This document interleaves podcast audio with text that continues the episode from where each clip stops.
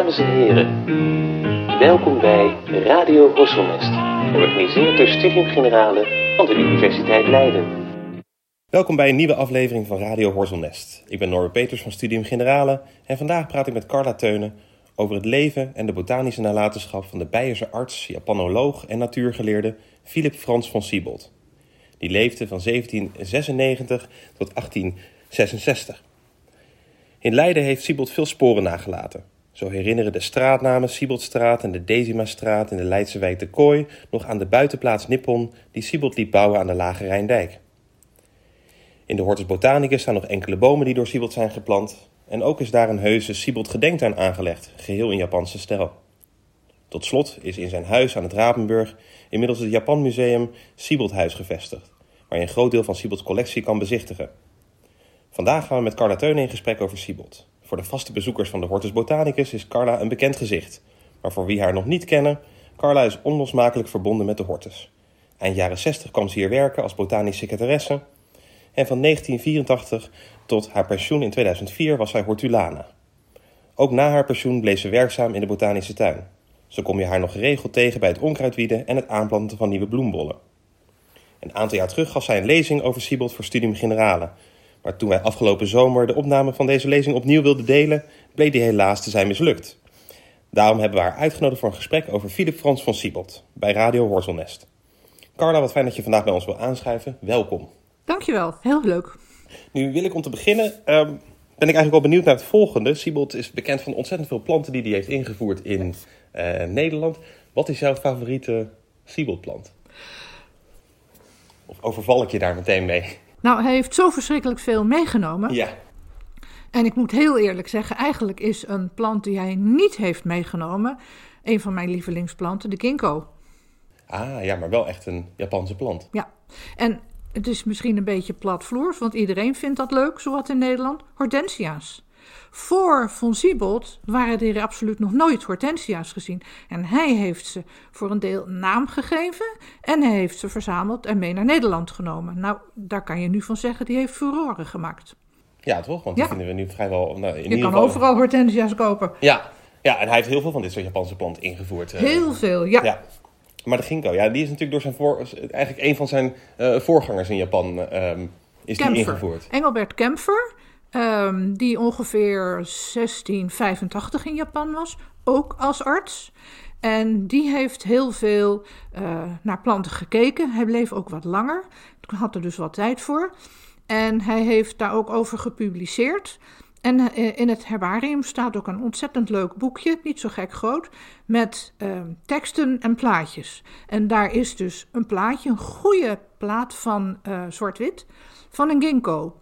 En uh, Kempfer noemt hem Arbor nucifera, boom die nootjes draagt. Ja. En dan Folio adiantido, met blaadjes als van een adiantumvaren. Ah, natuurlijk. En dat is een plaatje, maar ik was ooit uh, 20 jaar geleden of zo in het Sloan Herbarium in Londen, in het British Museum of Natural History. En daar, daar is een index van en die ligt in het herbarium, want het is een gigantisch herbarium. Daar kan je je leven lang zoek raken. En daar stond dus in dat daar iets van camphor lag. En dat was een ginkgo-blaadje. En die heb ik opgezocht. En dat was een gedroogd ginkgo-blaadje. Daar stond ook weer dezelfde tekst op. En um, daar hebben we een foto van gemaakt. Er lag ook een hosta-blaadje en er lag ook een primulaatje, die tegenwoordig Primula siboldi heet. Maar dat wist Kemper natuurlijk nog niet. Nee, nee, nee, precies. Dat was later. Ja. En, en want de ginkgo in, in de, de Hortus is ook een van de oudste die we überhaupt hier vinden in Nederland, toch? Ja, de hele oudste, zeggen ze, is in Utrecht in de oude Hortus. Die schijnt ouder te zijn dan die van ons, maar dat weet ik niet. Uh, ze zien er precies hetzelfde uit. En die van ons is uit 1785. En ik zou nou zo vreselijk graag eens willen weten: hoe komt hij hier? Komt hij uit Japan of komt hij uit China? Het is eigenlijk een boom die in China in het wild voorkwam. Misschien nog komt, dat zeggen de Chinezen, wij zeggen van niet. Ja, ja, precies. En het is een boom die met allerlei uh, Chinese gewas naar Japan is gebracht ooit. Ja, want dat geldt wel voor meer Japanse planten, toch? Ja, die anemoon die we zo graag in de herfst zien bloeien. Anemone hupehensis, provincie Hubei, Uh, Japonica, variëteit Japonica, heeft Siebold trouwens ook meegenomen naar Nederland. Uh, er zijn Japanse Palonia's, maar er zijn ook Chinese Palonia's die met allerlei invloeden uh, naar Japan gegaan zijn. Je moet ook weten, Japanners die wij kennen, zijn niet de oorspronkelijke bevolking. Rijst is geen oorspronkelijke Japanse cultuur, komt van China, Korea, het vasteland. En ook boeddhisme is ook geen Japanse godsdienst, is ook door een Japanse prins, die daar erg van onder de invloed was en onder de indruk was, mee naar Japan genomen. Dus er is heel veel uh, invloeden. En dat geldt dus ook voor de flora. En dat geldt ook voor de flora, ja. ja precies. En wanneer ben je eigenlijk zelf uh, voor het eerst in contact gekomen met Siebold uh, nalatenschap? Of um, ik heb tuinbouwschool gedaan. En daarna ben ik stage gaan lopen en nog een paar jaar gewerkt in het arboretum van Kalmthout in België. En daar waren de eigenaars, meneer en madame de Belder. En uh, madame de Belder was een ongelofelijke goede plantenvrouw, bomen. Dat was echt, die is wereldberoemd geweest. Helaas is ze al een tijdje geleden overleden. En die waren zeer geïnteresseerd in Japan en China. En die hadden een kennis die nog alles naar Japan ging. En die stuurde planten op. Dus dan kwam er weer een zending aan met dozen. En dan keken we en dan werd het uitgepakt. Nou, dat was dus één grote opwinding. En op die manier ben ik met Japan in aanraking gekomen. In 1973 leidde Madame de Belder een reis naar Engeland met een groep uh, mensen die daarvoor uitgenodigd waren. En daar zat een Japanse jongeman bij. En madame zei, die kende mij vrij goed, en zei: Dit is Mickey en zorg jij maar voor hem. Oh ja, ja, ja. Oh. En dat is dus een van de beroemdste Japanse botanici van dit moment, Dr. Mikinori Ogisu. En dat is een van mijn allerbeste Japanse vrienden. We hebben samen gereisd in 2013 met een Engelse beroemde plantenman, Roy Lancaster en nog een klein groepje.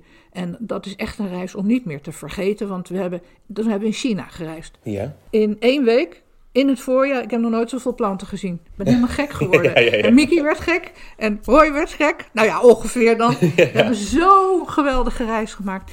En hij schrijft heel veel en hij reist heel veel naar China om planten te verzamelen, te beschrijven enzovoort. Nou, dat was dat. Ja. En toen ben ik meer naar China gegaan dan naar Japan. Uh, Roy Lancaster organiseerde twee reizen, daar ben ik meegegaan. Heel zwaar, heel fantastisch. En in 1995, dus volkomen krankzinnig, zat ik op kantoor. Ik werd opgebeld door een mevrouw die zei: Ik ben Maria Kuwahara van de Nederlandse ambassade in Tokio. En ik dacht: Dit is een geintje. Niet die zijn mij aan het pootje haken. Ze zitten in de kamer hiernaast. Zo helder. Ik zei: Nou, kom nou, dat geloof ik helemaal niet. Toen zei ze: Het is echt waar. U kunt het aan Pieter Baas vragen, want die weet hiervan. Er zitten hier twee Japanse heren en die vragen of u naar Japan wilt komen om een prijs op te halen. Ik, ik, hoezo, wat? Ja, omdat u nogal wat bezig bent geweest met het maken van de Von Siebold gedenktuin uit 1990. En dit was 95. Dus ik ben daar gewoon naartoe gevlogen en naartoe gegaan. En het was heel erg leuk. Het was in Murayamashi, een stad echt in het landgebouwgebied van Yamagata Prefecture. Ja. En dat is vrij noordelijk. En dat is echt een landbouwgebied, wat vroeger de hel van het noorden heette in Japan. Als je verbannen werd door de keizer, werd je daarheen gestuurd. Oh, want er is het in de winter koud en het is ongeciviliseerd en er is geen theater. Maar het was er enig. Ik heb er heel veel gezien en gedaan. Ja, en zo ben ik met Japan in aanraking gekomen. En toen zei Mikinori een keer, die kwam nogal eens in Europa. Dus hij ging, hij ging naar Roy, ging ik naar Engeland of hij kwam in Nederland. Nou, en toen zei hij, ja, Roy gaat hier lezingen houden. Waarop ik heel brutaal zeg, oh Mickey kan ik dat ook niet eens doen? En toen zei hij, lijkt me een enig idee over Siebold. En toen ben ik dus een aantal lezingen wezen houden in een aantal jaren. Dus dan rol je zo helemaal. Ja. En dan als, we in Japan, als ik in Japan was, ik ben toch veel naar Niigata geweest. Ook een landbouw- en tuinbouwgebied. Dan gingen we lopen. Vier dagen lopen in de bergen, uh, twee dagen lopen in de bergen. Maar we gingen altijd planten bekijken. En ik ben er in het vroege voorjaar geweest. Als de magnolia's die onder de sneeuw plat lagen, als die opzwiepten. Oh, ja, en de ja. lysigitons in bloei waren. En ik ben er in de volle zomer geweest als de boompioenen bloeien. Ik ben er in de herfst geweest als alles in herfstkleur is. Dus het was ontzettend leuk. Ik heb daar veel gezien. Ik ben er een keer of tien geweest. Dat is flink veel. En, en hoe kijkt men naar Siebold in Japan? Is Oh, dat een Siebold wordt naam? zeer vereerd. Ja? Veel bekender als in Nederland. In 95 moest ik ook officieel naar een kleuterschool.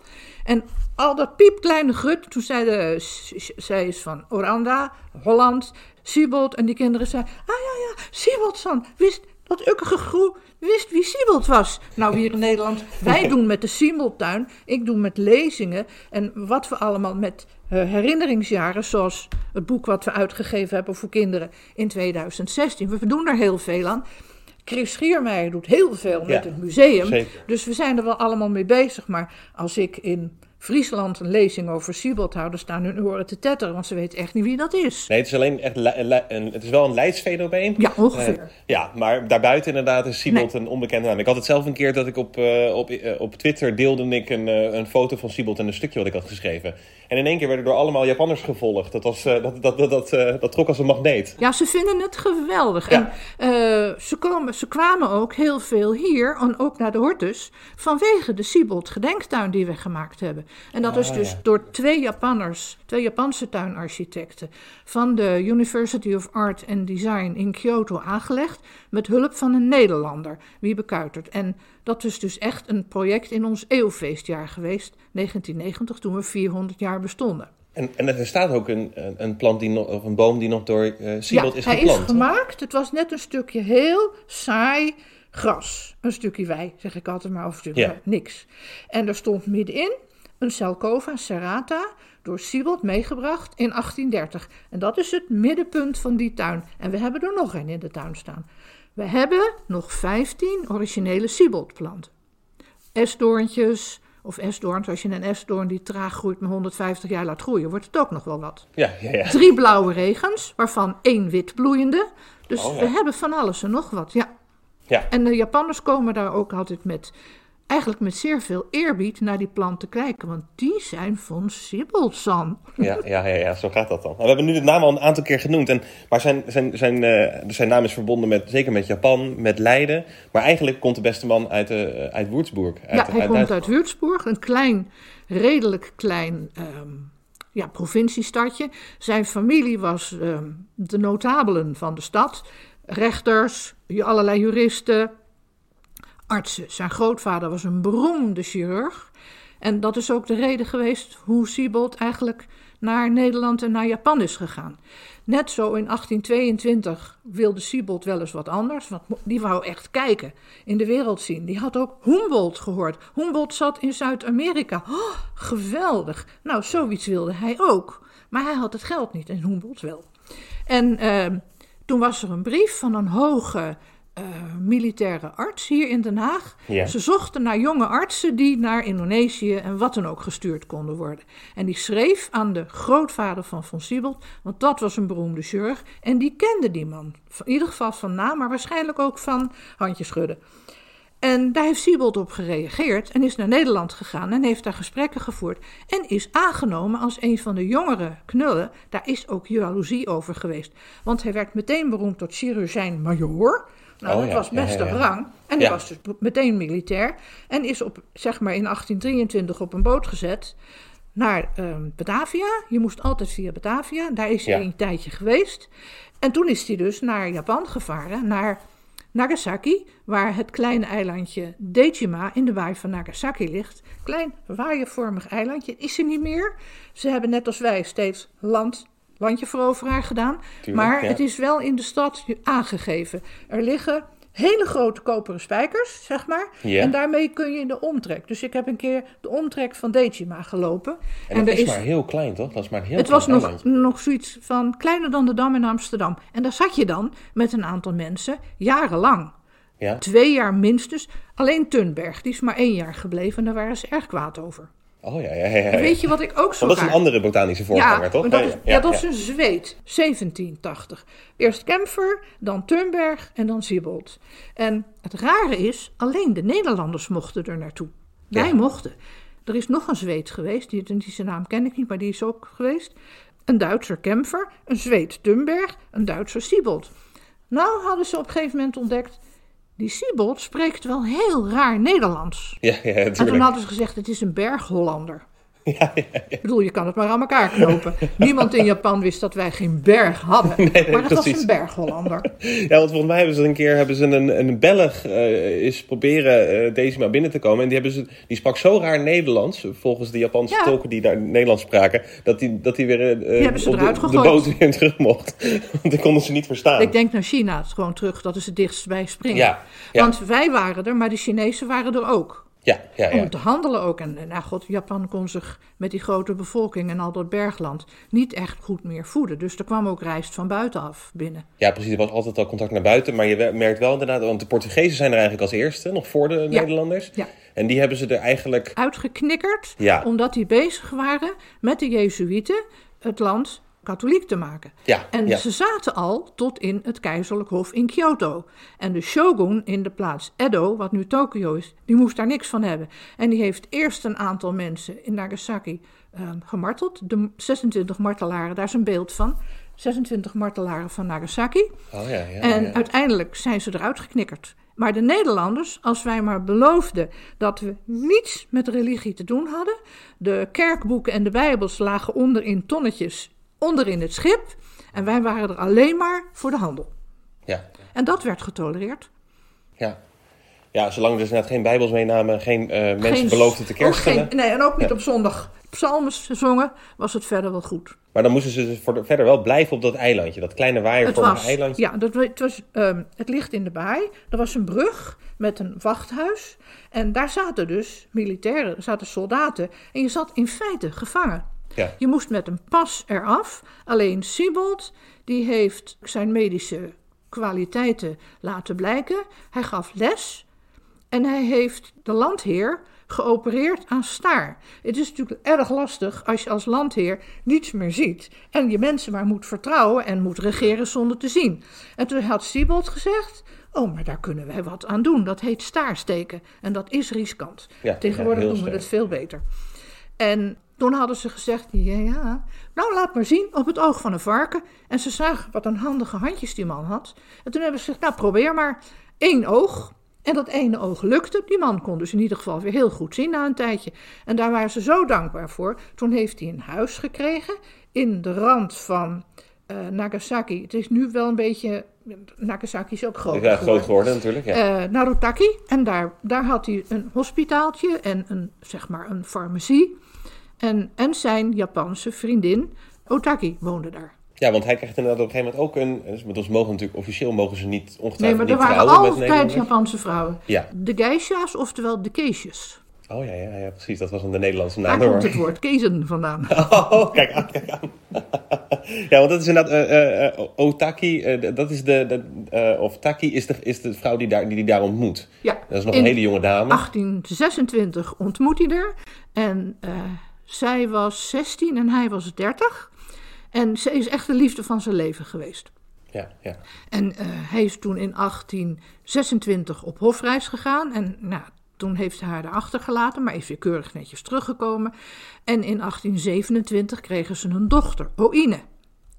En het verhaal gaat, en dat geloof ik ook wel, hij had een doosje laten maken, zwart lak, met een portret van haar in Parelmoer, denk ik. Parelmoer was het, ja, ja. Want dat blinkt zo. En dat had hij altijd bij zich.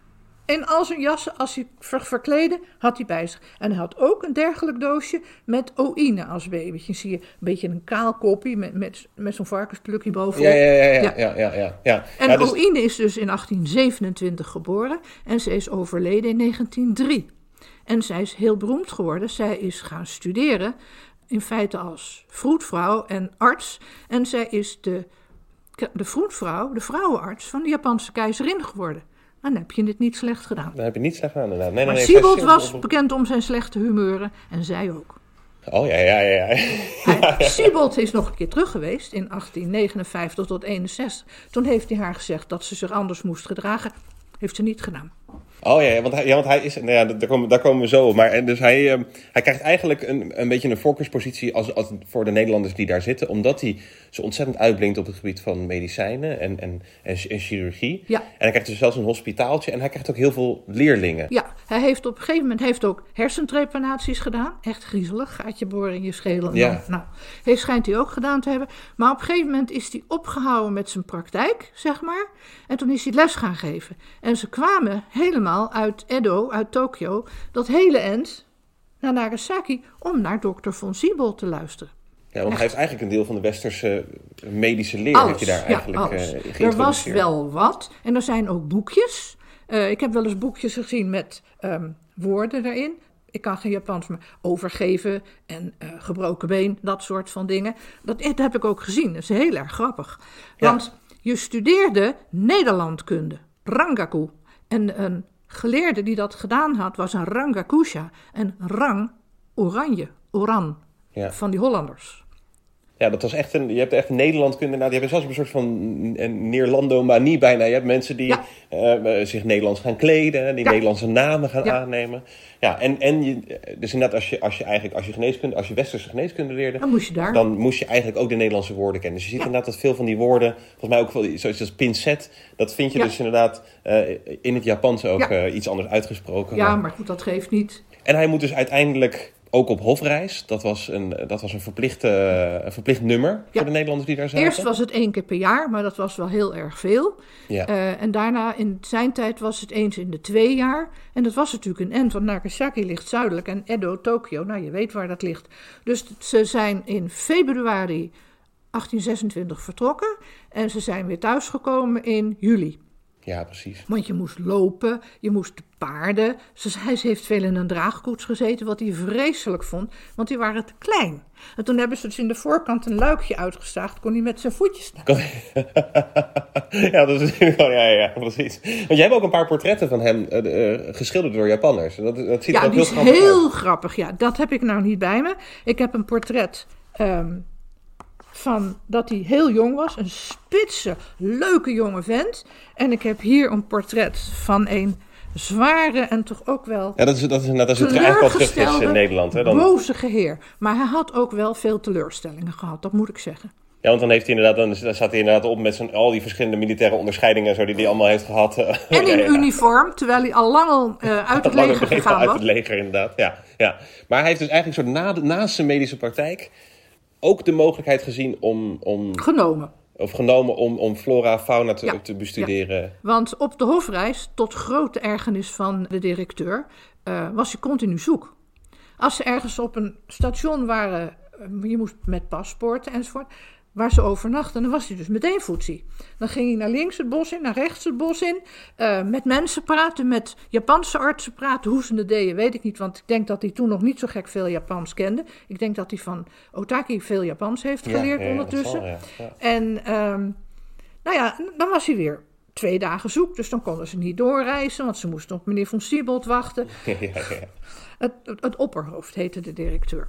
Ja, ja. En eh, nou ja, die, die, die werd daar helemaal gek van. Maar ja, hij heeft toen wel, hij liet ook mensen verzamelen, veel gezien. Hoe het groeit is natuurlijk ook ontzettend belangrijk. Ehm, staat het in de zon? Staat het in de schaduw? Is het een onkruid aan de rand van rijstvelden, dus warm en nat? Al dat soort van dingen heeft hij heel goed gezien. Dus ja. En, en, eh, hij had echt, echt mensen die voor hem verzamelden. Dus Ja. hij, hij stuurde er echt mensen op uit Ja. om eh, spullen naar hem te brengen. En, hij, en op dat kleine eh vlondertje, dat, deze, hebben ze ook een klein tuintje zelfs. Eh, Ja, ze hadden altijd een tuintje. Een tu- hij had, eh, er was een groentetuintje, want ze moesten natuurlijk ook wel eten. En ehm, ze hadden ook beesten, een, hok met kippen en misschien varkens, weet ik niet. En hij had ook een medicinaal tuintje. ja. Ja, daar werd ook wel eens iemand ziek. ja, tuurlijk. Ja, zeker. En het is natuurlijk vrij zuidelijk, dus ik zou me ook voor kunnen stellen dat er malaria heerst. Dat zou me niet verbazen. Ja, ja. Dat, dat heb ik nooit gehoord. Maar hij heeft ook, en ehm, Harm Beukers, die pas is overleden helaas, had daar ook een verhaal over. Over de wenslijsten die Siebold ehm, terugstuurde van dingen die hij uit Nederland zo graag wilde hebben. Omdat ze die in Japan niet hadden. Geneesplanten ook wel, maar ook dingen als tincturen en, en pilletjes en weet ik het wat. Ja, Ja, oh, dus hij stuurde ook echt met. eh, inderdaad, hij stuurde eh, mensen er weer op uit om eh, van, van Ja, Nederland als er een schip terugging, Ja. of, dan had hij wensen. Want hij is er geweest van 1823 tot 1829. Dus dat is best lang. Ja, dat stond nog zes jaar inderdaad. Ja. Ja. dat is flink lang. En, en, maar eigenlijk gaat het met die hofreis, lijkt het al een beetje mis te gaan, toch? Hij krijgt eh, spullen van, Nou. van Japanners die hij eigenlijk niet mag hebben. Nee, hij, eh, toen hij in Edo was, heeft hij een oude Japanse heer ontmoet, Mogami Tokunai. En dat was een wiskundige. En in Japan werd niet gereisd. De shoguns wilden dat niet. Er waren natuurlijk, de laatste burgeroorlog was eigenlijk 1600 afgelopen. En toen heeft hij het land dichtgeplakt. Maar je mocht ook niet reizen. En wat de shogun ook zei, Iedereen die in het platteland van adel was en een kasteel had, moest zijn zoon en vaak de vrouw naar Tokio doen, gijzelaars. Als er wat fout ging, kopie eraf, want daar waren ze best makkelijk in. Ja. Dus ja, ehm, ja, nou, hij heeft Mogami Tokunai ontmoet en daarvan heeft hij spulletjes gekregen. En Mogami Tokunai had veel gereisd, ook helemaal naar Hokkaido en de Ainu ontmoet, de oorspronkelijke bevolking, Inuit. Ainu en Inuit is bijna hetzelfde. dat zijn ja. baardige mensen, korte gedrongen mensen, echt Inuit. Die helemaal in het noorden van, Hele- van Japan dus- nog, nog dus- leefde Ja, destijds. nog steeds. Ja. Er En zijn er nog steeds. 200.000, Ja. maar ze, hebben het, ze zijn altijd heel naar behandeld. En helemaal weggedrongen uit de beste landbouwgebieden en noem maar op. Oh. Er zijn er nog steeds, ja. En ehm, hij kreeg landkaarten. Want hij wou best graag weten waar je links en rechts naartoe moet. En daar liggen er een aantal van in het Sieboldhuis. Ja, In ja, de, ja. ka- de kaartenkamer. En toen zou hij in 28 naar huis gaan. En het schip is op de klippen gelopen in de baai van Nagasaki. En toen heeft iedereen, Jan en Alleman, heeft geholpen. Ook allerlei Japanners. En toen zagen ze, hij heeft landkaarten. En dat mocht niet. En dat was dus het begin Ja. van het einde. Toen heeft hij een hele tijd huisarrest gehad. Zijn leveranciers, dat wisten ze, die het hem niet Mogami Tokunaar, andere mensen, zijn over de klink gejaagd. Ze hebben geprobeerd dat hij meer mensen wilde verraden. Hij heeft consequent zijn mond gehouden. Hij schreef aan zijn moeder: Ik heb nooit iets gezegd. Ja, ja, Ik heb ja. niets verteld. En hij had huisarrest. Nou, voor iemand van Von Siebold die altijd het land indook om met mensen te praten, was dat vreselijk. Dus wat hebben ze bedacht? Ze gaven hem een geit. Was ontzettend goed voor meneer Von Siebold, geitenmelk. Maar die geit moest eten, dus die kreeg hooi. En wat zat er in het hooi? Interessante planten voor meneer Von Siebold. Kon hij nog wat doen? Ja, ja, ja. Ja, precies. Dus ze hielden hem op Ja, En toen is hij in bezig. 1829 met een schip weggegaan. Ja, Eerst weer naar Batavia. En daar had hij dus plant mee. Ach, eh, 730 nummers planten. En als je je realiseert dat voor Von Siebold maximaal 30 planten uit Japan en China bekend waren in Europa. En hij met 730 nummers aankwam. Nou heeft natuurlijk niet alles het overleefd. Want Nee. het was van Nagasaki naar Batavia. Van Batavia naar Kaapstad. Daar heeft hij een paar maanden uitgerust. En zijn planten ook laten uitrusten. En toen naar Antwerpen. En Ja. dat was natuurlijk net verkeerd. Het was 1830 toen hij aankwam. De Belgen waren net los van Nederland. Oh ja, en tuurlijk. een deel ja. van zijn spullen heeft hij nog naar Nederland kunnen sturen. Hij heeft ook geholpen om het Nationaal Herbarium, dat in Brussel zat, naar Nederland te sturen. Zit nu op een, een- een kamertje nog te zien op het Rapenburg. ja. En een deel van de planten is hij kwijtgeraakt. Die zijn naar Gent gestuurd. En die kwekers in Gent, want Gent is ook een echt kwekersdorp, die dachten, hola, jee, daar hebben wij eens even wat. En daar heeft hij weer een deel in 1841 van teruggekregen. Oh ja, ja, precies. Dus, ja, dus hij wist wel heel veel terug te sturen. Dus ondanks dat hij, dat hij eigenlijk... Heeft eh, hij meegenomen. Of, eh, ja, ja, ja, ja. En later, toen hij hier dus in, in Leiden woonde, toen heeft hij ook aan allerlei mensen gevraagd: stuur me planten. Kan je dat en dat sturen? Kun je die en die? Want wij hebben eh, die blauwe regens zijn ongeveer uit 1854 van de kwekerij van Von Siebold. Maar bijvoorbeeld die eh Zelkova, die keyaki, die is echt van 1830. Ja toen hij Toen hier kwam, heeft hij zijn Ja. planten in de hortus geparkeerd. Want wij waren veel groter. Wij waren ook helemaal wat zoologie was. Wat nu de nieuwe woningbouw is achter ons. Een stuk sterrenwacht natuurlijk. Ja. Dat is allemaal Hortus Botanicus. Ja, want de sterrenwacht is er pas afgegaan in 1859. Oh ja, precies. Tot grote woede van iedereen. Maar nu hebben we het weer terug. Ja, toch? Een stukje weer terug, precies. En hij wordt dus inderdaad, hij wordt eh, eh, eh, dus eigenlijk op verdenking van spionage wordt hij verbannen. Ja, Ehm, of eerst moet hij, heeft hij huisarrest en vervolgens Ja. wordt hij eigenlijk het, Ja. land uitgestuurd Ja. en mag hij ook nooit meer, Nooit meer terugkomen. Hij is uiteindelijk wel terug geweest. want toen in 1854 de Amerikanen voor Yokohama kwamen. Yokohama is natuurlijk vlakbij Edo. Dat lag bijna tegen elkaar aan en nu is het bijna helemaal één. Eh, de Amerikanen hebben gezegd van. ehm, niet alleen Nederland, er zijn nog veel meer landen in de wereld. En wij willen ook, en de Engelsen willen ook. We geven jullie een half jaar tijd, wat heel wijs was, om erover na te denken. Maar als jullie na een half jaar nee zeggen, dan schieten we. En Japanse huizen en dorpen, het is bamboe, hout, papier. Dus dat was zo'n vreselijke vuurzee geworden. Dus ze hebben ja gezegd. Ja. Maar de Amerikanen hadden ook cadeautjes. Een ploeg hadden ze nog nooit gezien, een echte ploeg. Eh, want de rijstvelden leverden wel op, maar niet meer zoveel als ooit. Kunstmest. En wat ze bij zich hadden, ze hadden een treintje. Treintjes waren net nieuw. Oh, ja, ja, En ze ja, hadden een klein spoortje en dat hebben ze op het strand van Yokohama uitgelegd. En daar kon je dus rondjes in rijden. En alle superdeftige heren uit Tokio, de adel en alles, in hun prachtige zijden gewaden, die stonden kolen te scheppen en aan de fluit te trekken en al dat soort dingen. Die hadden de lol van hun leven. En toen hebben een heleboel Ja, mensen gedacht: hé, hey, er is veel meer. En wij moeten eigenlijk eens moderniseren. Ja. Het verhaal dat Siebold het land uitgegooid is wegens die kaarten is ook een excuus. Het shogunaat wankelde al. Het was van, negen- van 1600. Het had al scheurtjes, breuken en kraakjes. En dat werd na die Amerikanen erger. En toen is er weer een burgeroorlog in 1866 geweest. En toen is het shogunaat helemaal weggegaan. En toen is de jonge Meiji-keizer op de troon gekomen. En die heeft gemoderniseerd. Ja, ja, ja. Want je kunt het zien. Ik heb een, portretje van Von Siebold. De jonge Von Siebold is een schilderijtje. En dit soort dingen zijn foto's. 1839 gaan geld als de startdatum van fotograferen.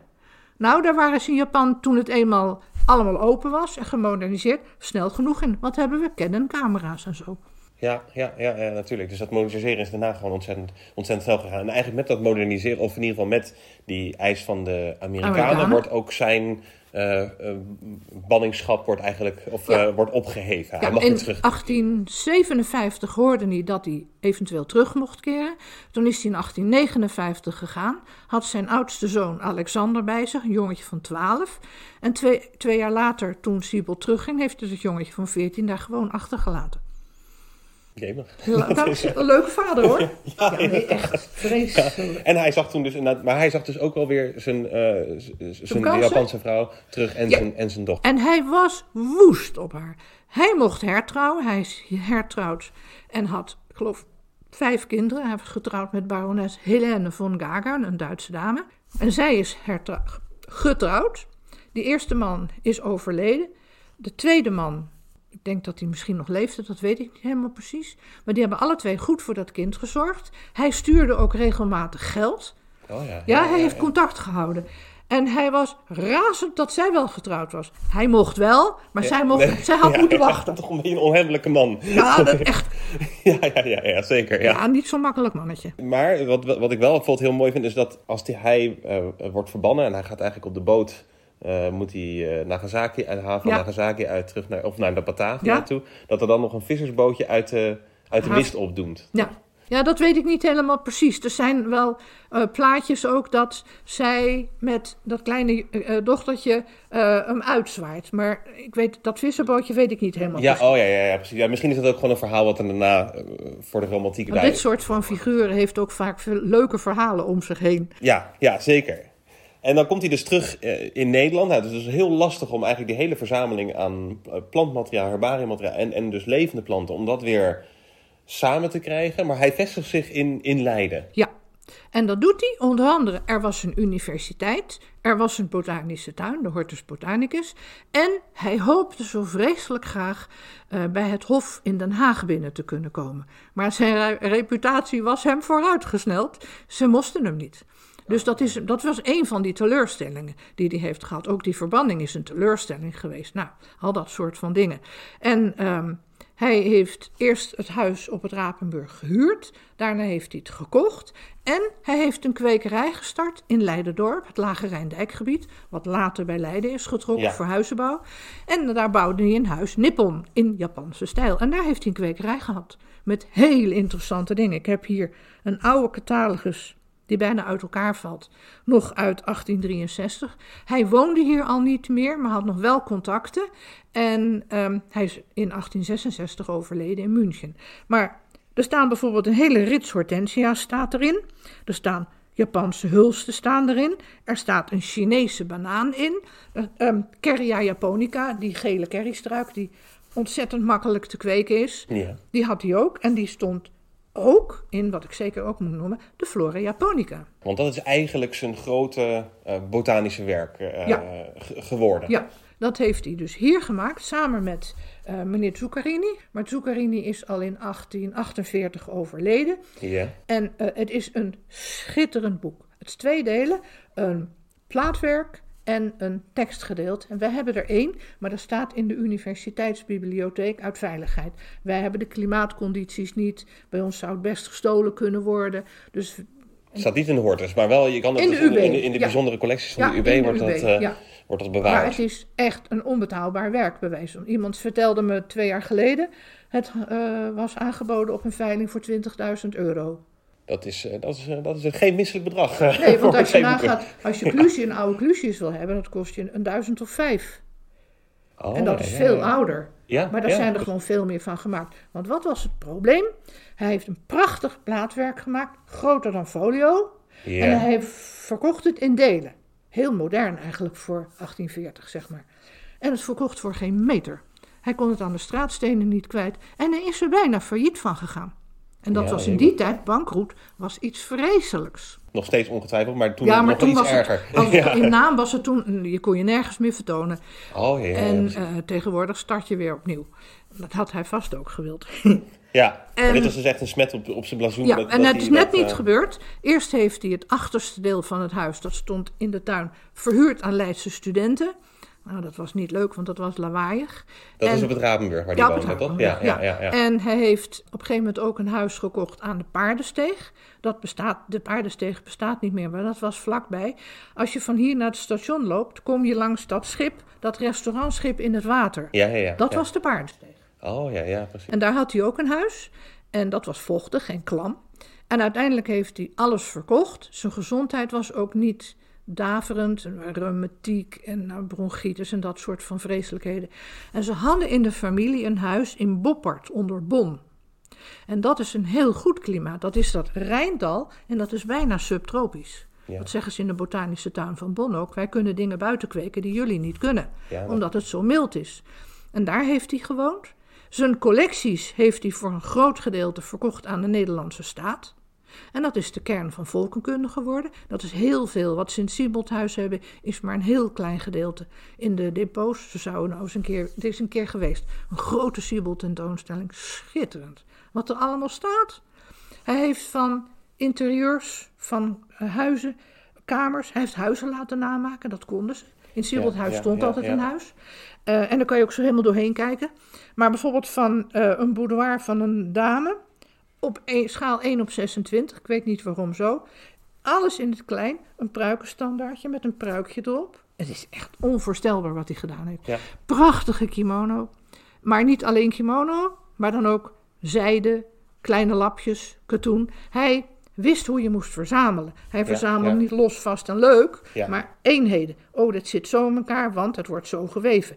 Jacht, visserij, muziek, godsdienst, acupunctuur. Het waren allemaal Alle facetten eigenlijk ja, van het leven. ontzettend Ja, knap hoor. En daarin zie je ook wel een klein beetje die, zo'n invloed van zo'n eh, Alexander van Humboldt.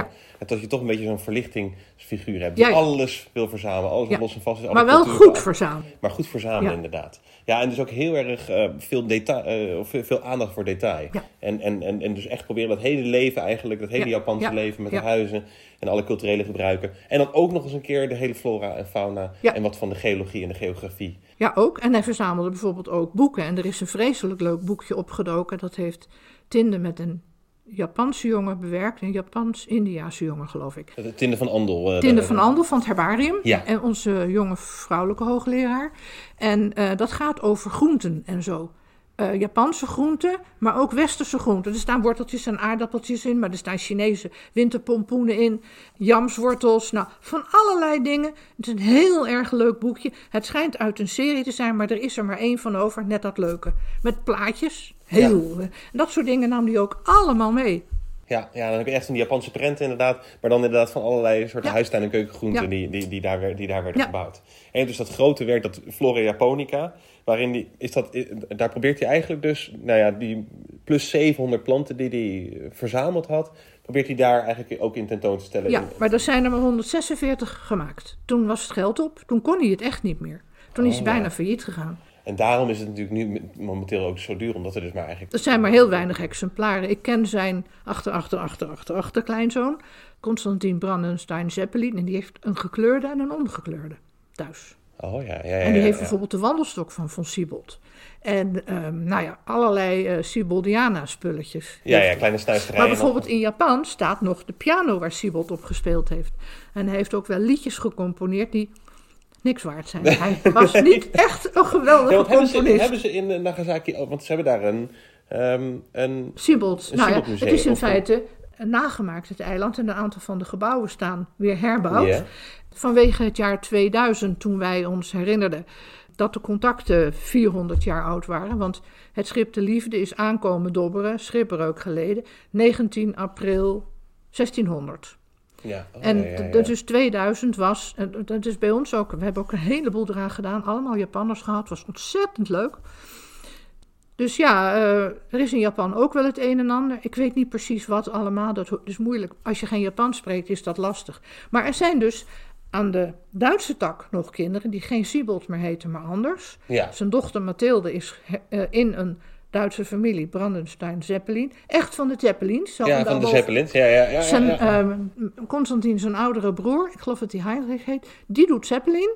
En Constantin doet ehm Siebold. Maar het zijn alle twee al zeventigers hoor. Dus je moet niet, eh, niet denken van oh, oh, oh, de jeugd.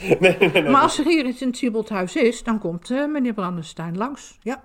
Oh, wat leuk zeg. Ja, ja. Dus die hebben nog eigenlijk ook nog wel zelfs warme banden met, Ja. met, met lijnen. Maar in Japan zijn ook nog nazaten van Oïne enzovoorts. Ja. Ja. En die zijn ook wel eens, die heb ik hier wel eens een keer gehad.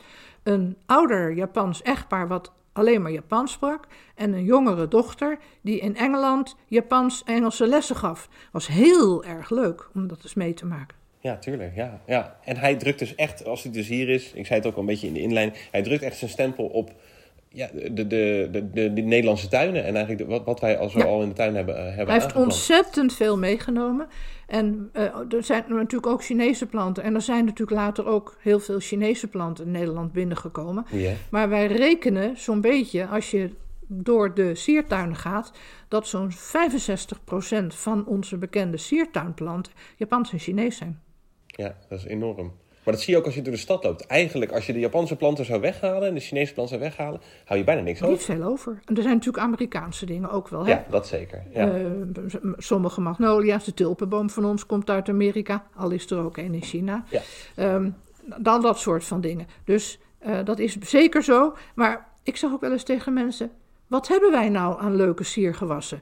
Nou ja, we hebben prachtige eiken en beuken en berken en elzen en populieren. maar- Weidoorn en natuurlijk. En, eh, Weidoorns, maar die hebben ze in Japan ook. Ja, En wij hebben Gelderse roos, viburnum, hebben ze in Japan ook. Net Oh weer ja, ietsje ja, anders. ja. Hamamelissen komen voor het grootste gedeelte uit China, maar Hamamelis japonica is er ook. Eh, de magnolia die wij voor de oranjerie hebben staan, Magnolia cobus, is een Japanner. Er zijn heel veel soorten magnolia in China, de meeste. Er zijn er in Noord-Amerika en Zuid-Amerika en er zijn er zes in Japan.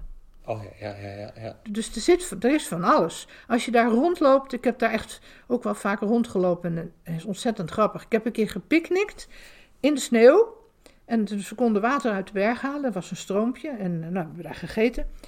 En ik denk, wat is, dit? Het lijkt verdorie wel een misteltoe. Maar het heeft gele bessen. Dat klopt, want je hebt een gele bessige vorm van misteltoe. En die zat daar boven in de boom. Zo- Zo'n marentak. Ja, maar dat ja, ja, zag je in de sneeuw. Daar kwam het goed uit. Ja, En dat soort dingen is heel grappig. En zie, zie je ook wel iets van eh, Europese of Nederlandse flora terug in Japan? Of is dat eigenlijk helemaal niet? Nee, Nee, ook wat en je moet onkruidgewas ook niet misschien. eh, vergeten, je kunt het bijna niet kweken.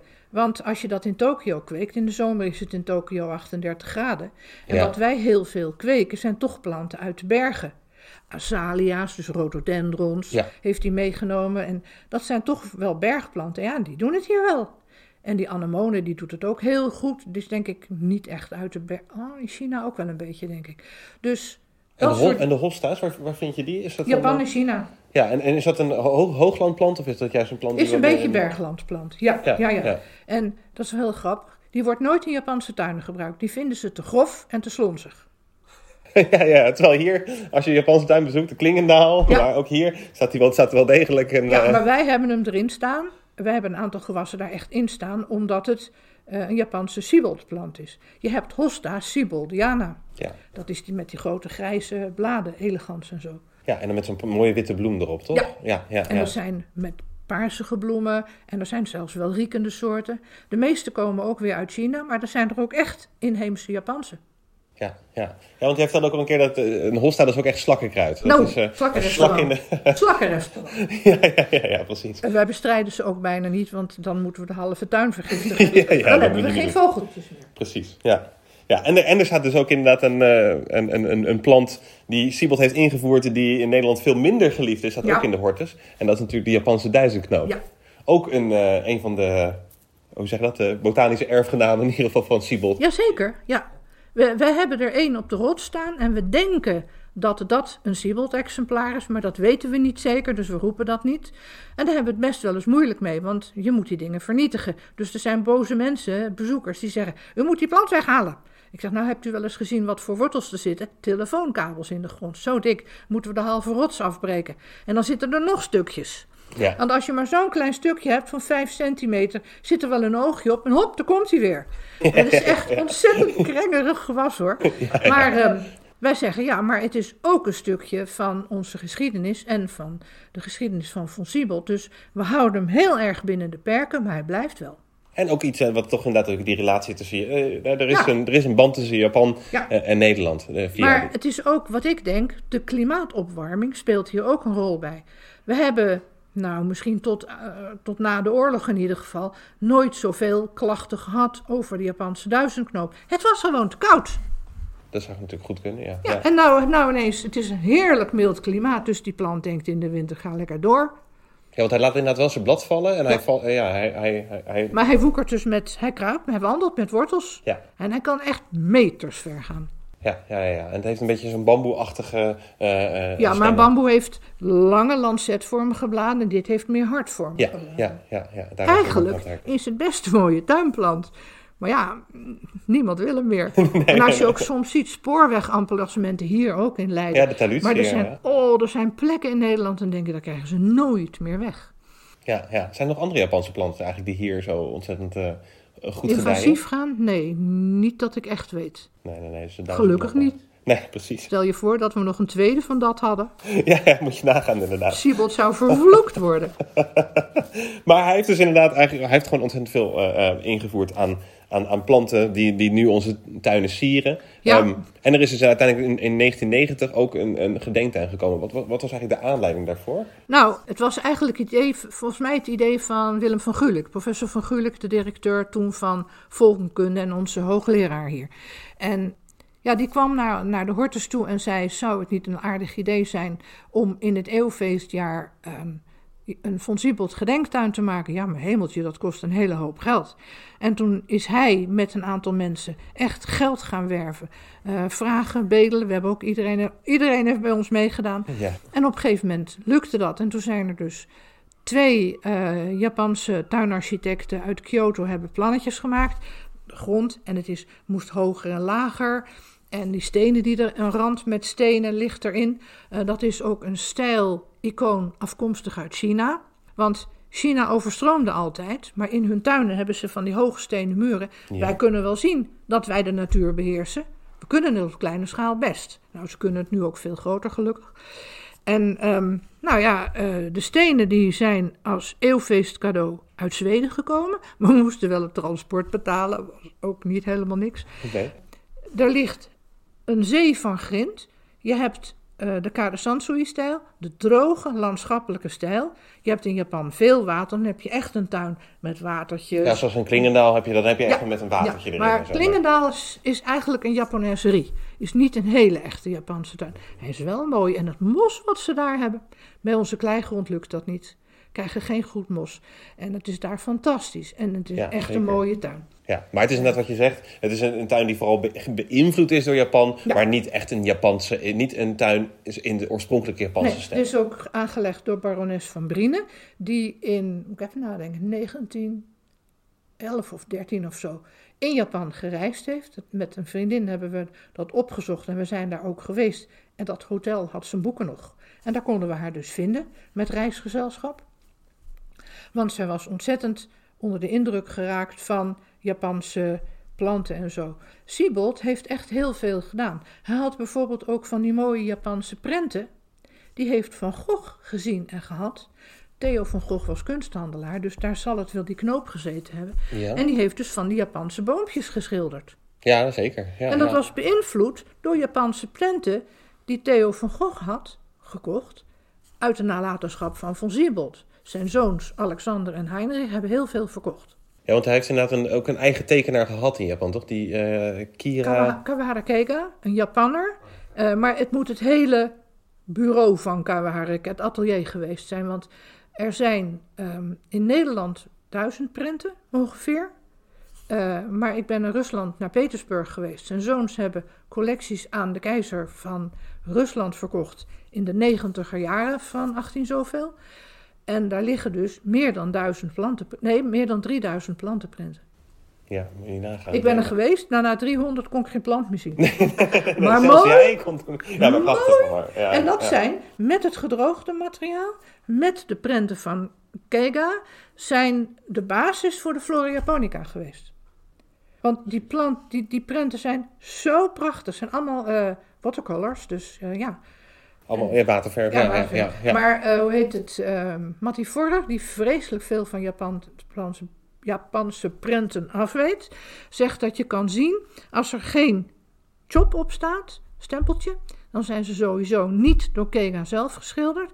En vaak staan er één op, dan, kan, dan staat er Kega op. En soms staan er wel twee op, dan is het Kega en een ander. Oh ja, ja, precies. Hij kan dat zien. Maar er zijn er een heleboel waar je het niet aan kan zien. Maar we denken dat er ongeveer 6000 prenten gemaakt zijn in zes jaar. Die mensen hebben nooit geslapen. Nee, nee dat Dus het hele atelier. Maar ja. dat, dat noemt net zoals hier... En heel veel dieren ook, hè? niet alleen planten, maar ook ja, ontzettend veel dieren. japonica, dat, dat ligt dus in Naturalis. is ook zo mooi.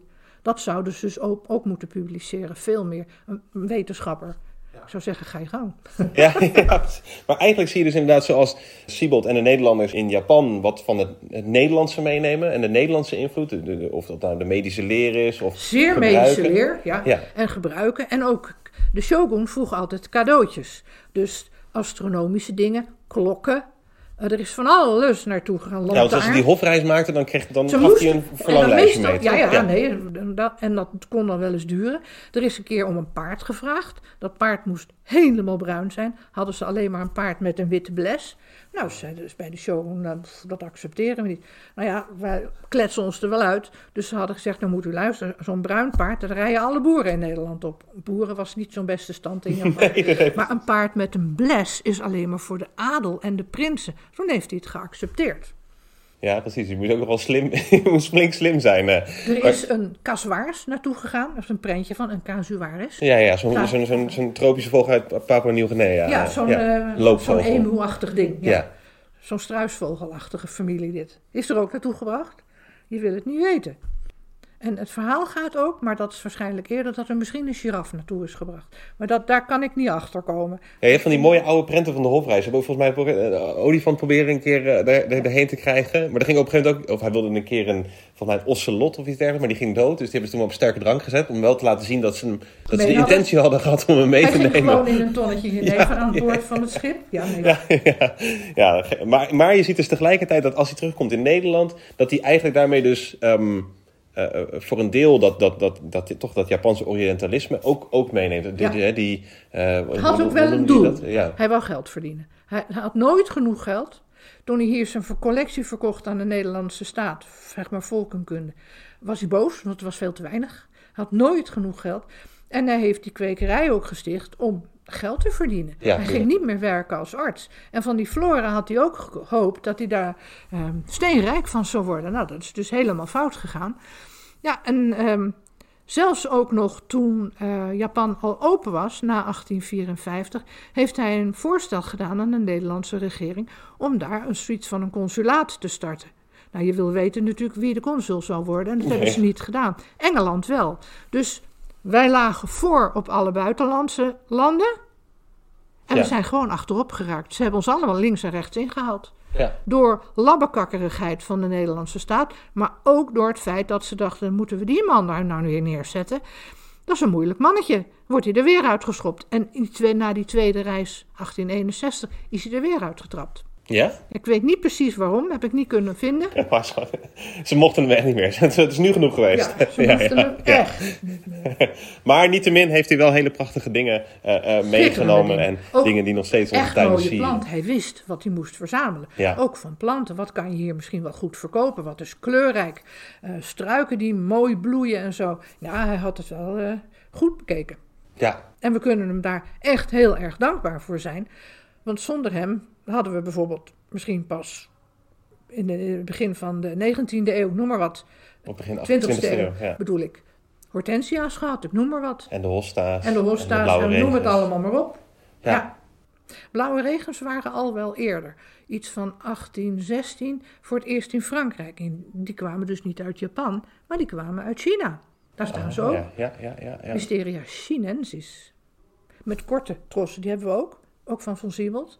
Die ruikt heel lekker. En Wisteria floribunda heeft veel langere trossen. En daar hebben we dus een blauwe en een witte van. Mooi hoor. Ja. Ja. Hij wist wat mooi was. Ja. Carla, ik wil je hartelijk, hartelijk danken voor dit, eh, voor dit gesprek. En natuurlijk ook onze eh, luisteraars thuis hartelijk dank voor het luisteren. En dit was weer een aflevering van Radio Horselnest. Nou, ik vind Horselnest wel bij Siebold passen, als ik het zeggen mag. Toen je dat vroeg, heb ik zo vreselijk gelachen. Ja, Ik denk Siebold de horsel in het nest. nou, dankjewel. Dit was weer een aflevering van Radio Horselnest. Dank u voor het luisteren.